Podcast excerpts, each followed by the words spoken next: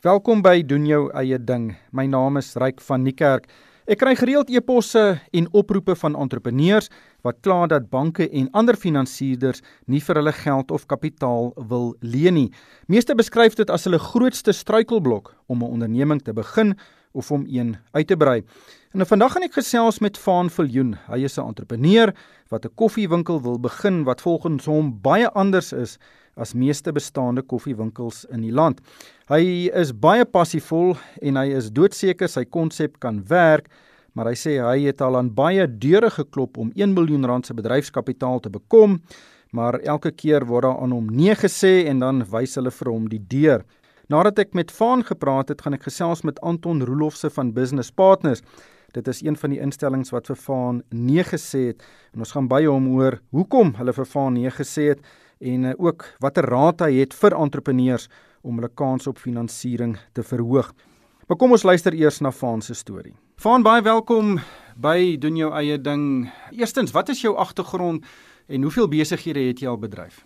Ryk, uh, goeiemôre aan jou en die luisteraars aan die ander kant. Ek waardeer dit dat jy tyd gemaak het om my genooi het om met jou toe kom gesels.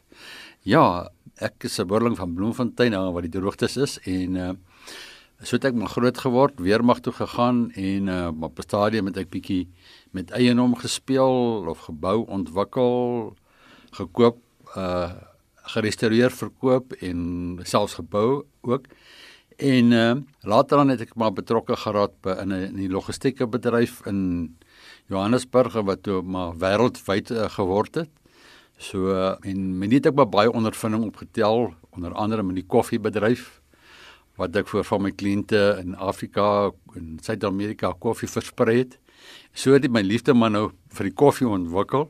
En saam met dit ehm um, het ek maar 'n slegte ondervinding met 'n restaurant of twee gehad en ek het net eendag dit besluit. Tel daarmee.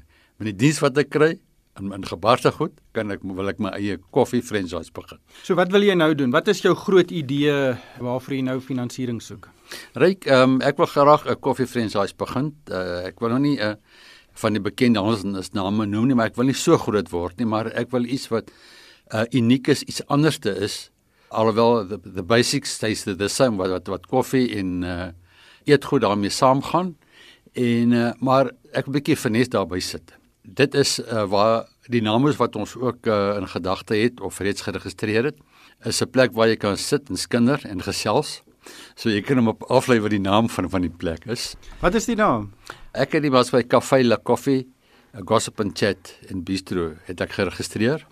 So die hoof is die naam is die Gossip and Chat.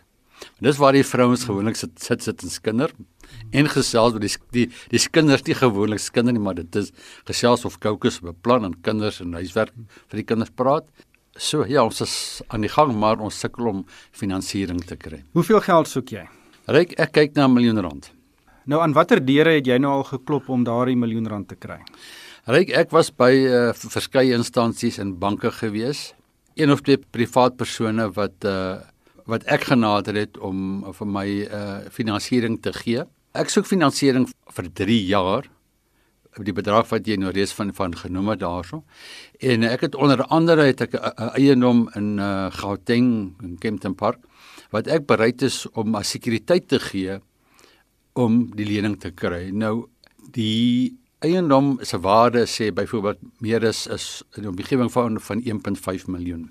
Nou as ek nie die persoon wat my gaan help, as ek nie my my verpligtinge nakom om te betaal nie, vat hy my eon wat my anker is. So dis ek bereid is om my anker uh, te verdiskonteer vir om finansiering in te kry.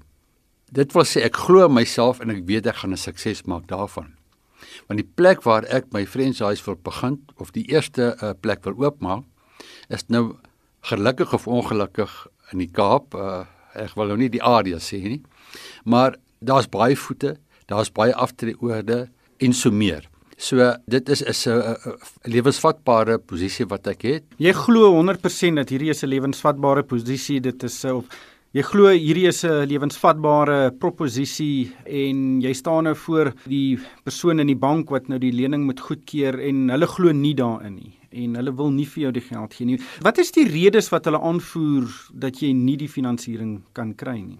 Ryk die eerste uh, probleem wat hulle het, as jy nie 'n kredietwaardig is nie, dan wil hulle nie eers na jou verder kyk nie. Nou kredietwaardig, ja, ek het in paar jaar terug het ek in 'n skema belê waar ek baie geld verloor het. Almal weet seker of kan ek maar die name noem as ek mag in die, in die Shermax waar ek in van hulle geboue 'n hele paar honderd of 'n paar duisend sakkies sement gekoop het wat nou staan in uh, op vrot of wat ook al so en daarom het ek uh, in 'n posisie geraak wat ek geld nodig het.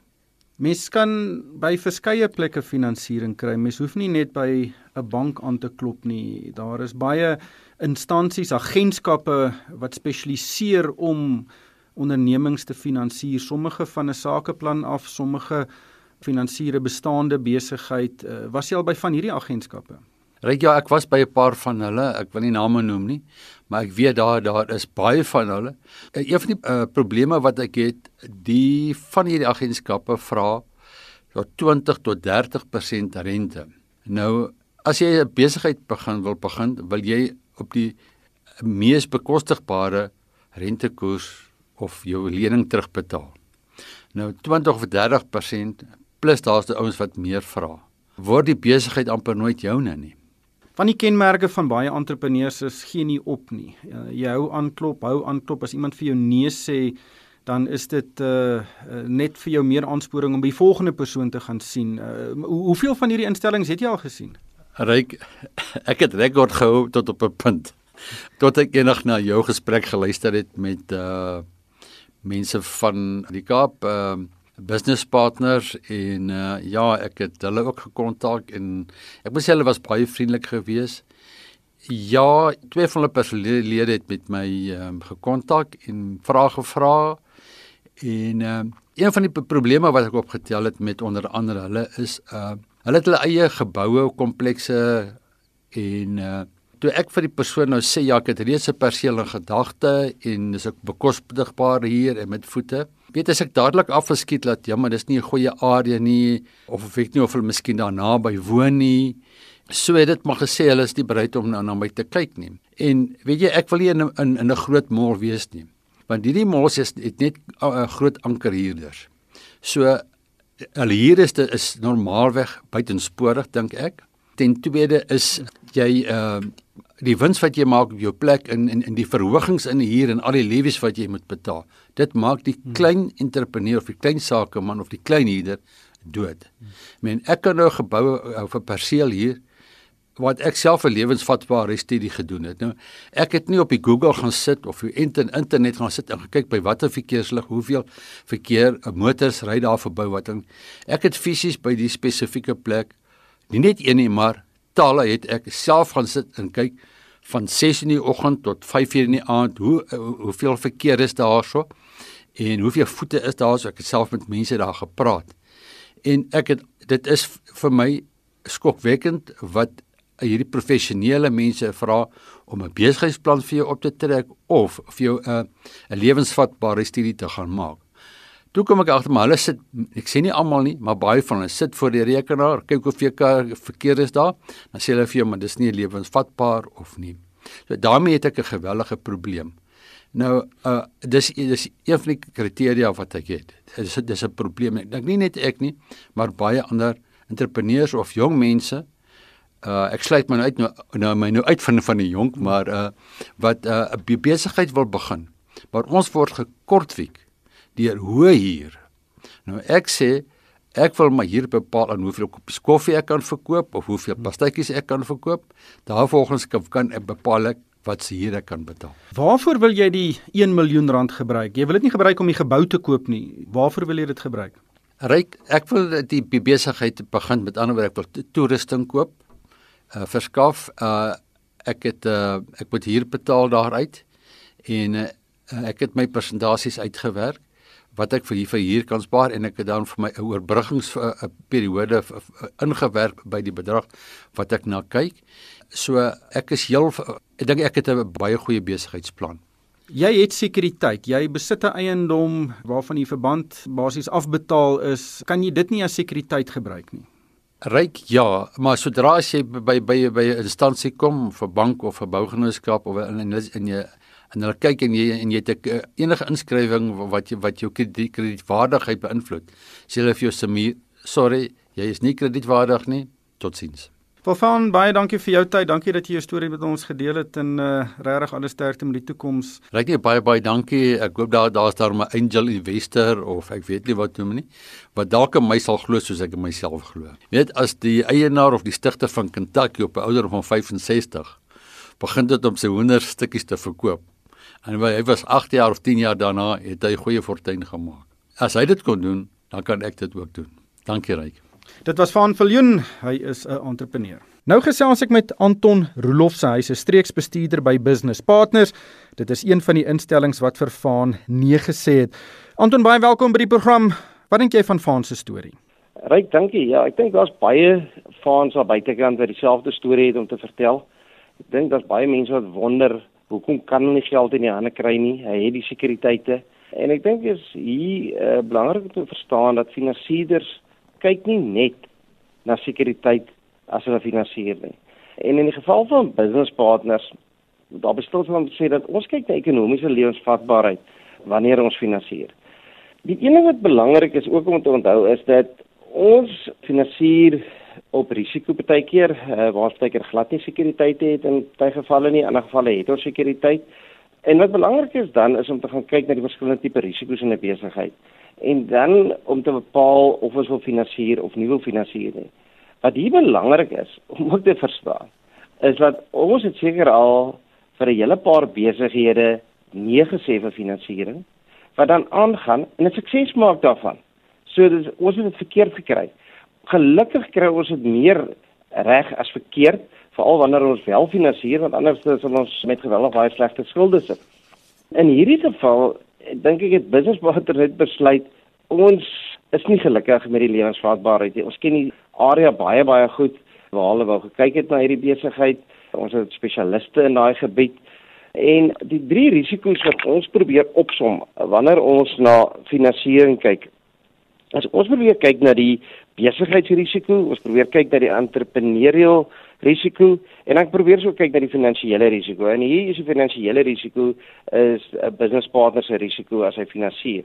Met ander woorde, in hierdie geval was ons finansiële risiko goed geweest. Ek meen dit was baie laag geweest. Ons kan moontlik met eiendom gesit as sekuriteit. Wat belangrik is in die besigheidsrisiko op die oomblik. As 'n mens kyk na 'n besigheid soos 'n koffiewinkel, soos 'n restaurant, dis besighede waarvoor ons op die oomblik relatief versigtig voor is om te finansier. Dit is besighede wat afhanklik is van die verbruiker se uh, spandeerbare inkomste. So dit is wat die ou oorrit in 'n maand, dit kan hy gaan uitgee uh, by 'n restaurant of by 'n koffiewinkel of waar ook al waar spandeerbare inkomste 'n rol speel. So ons is versigtig vir die tipe besighede. Ons weet dit gaan bitter swaar in die ekonomie. Ons weet die manne in die straat kry baie swaar en dit gekoppel dan met die sentrum waar dit was en as reeds ander kompetisie in die area het heel waarskynlik 'n rol gespeel dat ons seker een van die grootste rolle gespeel dat ons miskien nie belang gestel het om verder te gaan hiermee nie. En dan kyk ons ook na die entrepreneur risiko wat ons het in die omstandighede. Nou daar het ek baie min om te sê op hierdie stadium. Dit is dalk 'n baie goeie entrepreneur, miskien nie, ek het nie genoeg huiswerk daar rond gedoen nie want die besigheidsrisiko het vir ons oorheers. Ryk dit belangrik is wat ons ook nie die oogheid moet verloor nie, is eh uh, dat finansiëerders moet verantwoordelik wees. Ons kyk hierso na 'n uh, persoon wat al vir baie sekere ouderdom is, nou wil hy alles op die spel plaas. As die ding nie werk nie, dan moet ek nou sy enigste bate wat hy nou het gaan verkoop om my skuld te delg. En ek wil nie graag in daai posisie wees nie. Dit is baie lekker om ouens te finansier. Dit is baie baie slegter om sy sekuriteite of sy bates te moet gaan verkoop as die besigheid nie werk nie. So dit was ons opinie gewees um, rondom die ding. So in hierdie geval dink ek die geval is net uh, ons as business partners en ons kundigheid kom oor bitter baie jare, 39 jaar. Ek dink ons is bang gewees vir die besigheidsrisiko in hierdie geval. So julle dink net hierdie besigheid gaan nie werk nie en daarom wil julle dit nie finansier nie. Is dit die groot ja, rede? Ja, dis die groot rede en dit is ons opinie. Ehm um, ons mag verkeerd wees. Ons ongelukkig in daai spesifieke area waar hierdie ding waarna hy gekyk het, het ons al 'n hele paar foute gehad of uh, dinge wat verkeerd gegaan het, besighede wat verkeerd gegaan het. So dis 'n area wat wat ons voel dalk ook riskant is veral in hierdie ekonomiese tye. Ons moet ek kan net genoeg beklemtoon nie om te sê dat dit 'n baie moeilike tyd. Ons sien hoeveel van die franchise restaurante en goeders wat dit nie maak op die oomblik nie. Ja. Dis mense met 'n gevestigde handelsmerk en hulle maak dit selfs nie. So ek dink dit is baie moeilik om hierdie tipe van goed in hierdie stadium van ekonomie te begin. Kom ons vat dit 'n bietjie breër. Baie entrepreneurs stamp hulle kop, hulle kry nie finansiering nie. Wat is die grootste foute wat entrepreneurs maak as hulle finansierders nader? Is daar dinge wat hulle anders kan doen om hulle kans uh, op sukses te verhoog? Ryk, ek dink die belangrikste is jy moet vir die finansierder kan oortuig van jou plan. Ek weet dis 'n vraag as jy nie van opgewonde wees oor dit wat jy wil doen nie, dan gaan jy nie iemand anders kan kry om in jou te glo nie. En dan moet jy wys dat jy het jou huiswerk gedoen. Soos ek gesê het, ons sal elke keer teruggaan en ek dink die banke en ander finansierders kyk maar na baie van dieselfde goed as ons is hierdie hele ding van 'n oortuig jy ou van die besigheidsrisiko met ander woorde watter sektor is die besigheid? Waar bevind daai sektor om in die huidige ekonomie?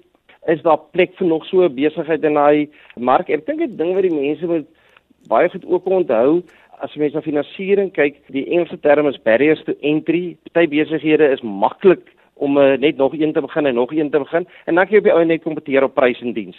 So ek dink dis belangrik uh, goed waarna mense moet kyk en dan net so uh, belangrik is dat 'n mens moet kyk na daai ander twee risiko die entrepreneur risiko het jy ondervinding in dit wat jy gaan doen. En as jy dit nie het nie, wat gaan jy doen om daai ondervinding te kry? Wie gaan jy inbring? Wie gaan vir jou help om ehm um, dit bymekaar te sit? En dan moet jy vir die finansiëerder kan gerusstel oor sy finansiële posisie. Hoeveel gaan hy verloor as hierdie ding verkeerd gaan en hoekom gaan die ding nie verkeerd gaan nie? Ek dink dit is omtrent die kerngoed wat mense vir finansiëerders moet oortuig van as hulle finansiering soek. Maar en, en ek wil dit beklemtoon, daar is bitter baie geld beskikbaar vir entrepreneurs in Suid-Afrika. Dit is net 'n moeilike klimaat op die oomblik. Kyk julle anders na entrepreneurs wat 'n nuwe besigheid wil begin of uh, iemand wat 'n bestaande besigheid wil uitbrei? Ryk, ek dink die mense kyk anders daarna nie. Maar wat wel waar is, 'n besigheid wat wil uitbrei is net 10 keer makliker om te finansier as 'n start-up, as 'n besigheid wat van die grond af wil begin. Jy het 'n geskiedenis van die besigheid, jy kan sien hy kan dit doen of hy kan dit bybring. Hy moet net hierdie vertakking bysit. Uh jy het 'n ou wat 3 winkels het en nou wil hy 'n vierde een bysit. Ek meen dit is net soveel makliker wanneer die ander 3 kan die vierde een help om 'n nuwe besigheid te begin is verskriklik moeilik. En jy weet veral in hierdie restaurantomgewing ook en en baie van die ander besighede, ek het hier in die week vir julle geluister, ehm um, toe julle gepraat het van beerkrag, ehm um, en julle het met die myne gepraat oor hoeveel hulle verloor. Maar ek wil sê dink net 'n besigheid, 'n klein besigheid, het vir 4 ure 'n dag nie krag nie en ek het 4 ure 'n dag kan sy kredietkaartmasjien nie werk nie, sy onder kan nie werk nie. Jy sê besigheid uit vir 'n baie belangrike tyd. So dit maak dit nog moeiliker in hierdie huidige omstandighede om 'n nuwe besigheid te finansier. Net laastens van het gekla oor rentekoerse. Watter tipe rentekoerse kan entrepreneurs verwag om te betaal as hulle finansiering kry? Ryk, ek dink wat baie belangrik is hierso die mense moet verstaan dat jy kry risikovrye finansiering, met ander woorde jy gee vir die ou die ehm um, nodige sekuriteite en dan kyk die mense gewoonlik hier na omgewing van prima plus 2, prima plus 4 in daai omgewing. En dan kan jy begin mense kyk na die persoon soek 'n miljoen rand, maar hy het net 500 000 rand se sekuriteite. Jy gaan meer betaal vir daai geld, jy waarskynlik later hier na prima plus 8, prima plus 10 toe. So risiko en prys is baie nou gekoppel aan mekaar. Anton baie dankie vir jou deelname vandag. Dankie vir jou insigte. Dit was Anton Roelofse, hy's 'n streeksbestuurder by Business Partners. Ongelukkig het die tyd ons ingehaal. Baie dankie aan Vaan Viljoen wat sy storie met ons gedeel het en ook Anton Roelofse van Business Partners wat daarop gereageer het. 'n Potgooi van die program gaan so 'n bietjie later op die RSG en Moneyweb webwerwe beskikbaar wees. Luisteraars is ook welkom om vir my 'n e-pos te stuur. My adres is ryk@moneyweb.co.za. En daarmee met ek groet van my ryk van die kerk. Dankie vir die saamluister.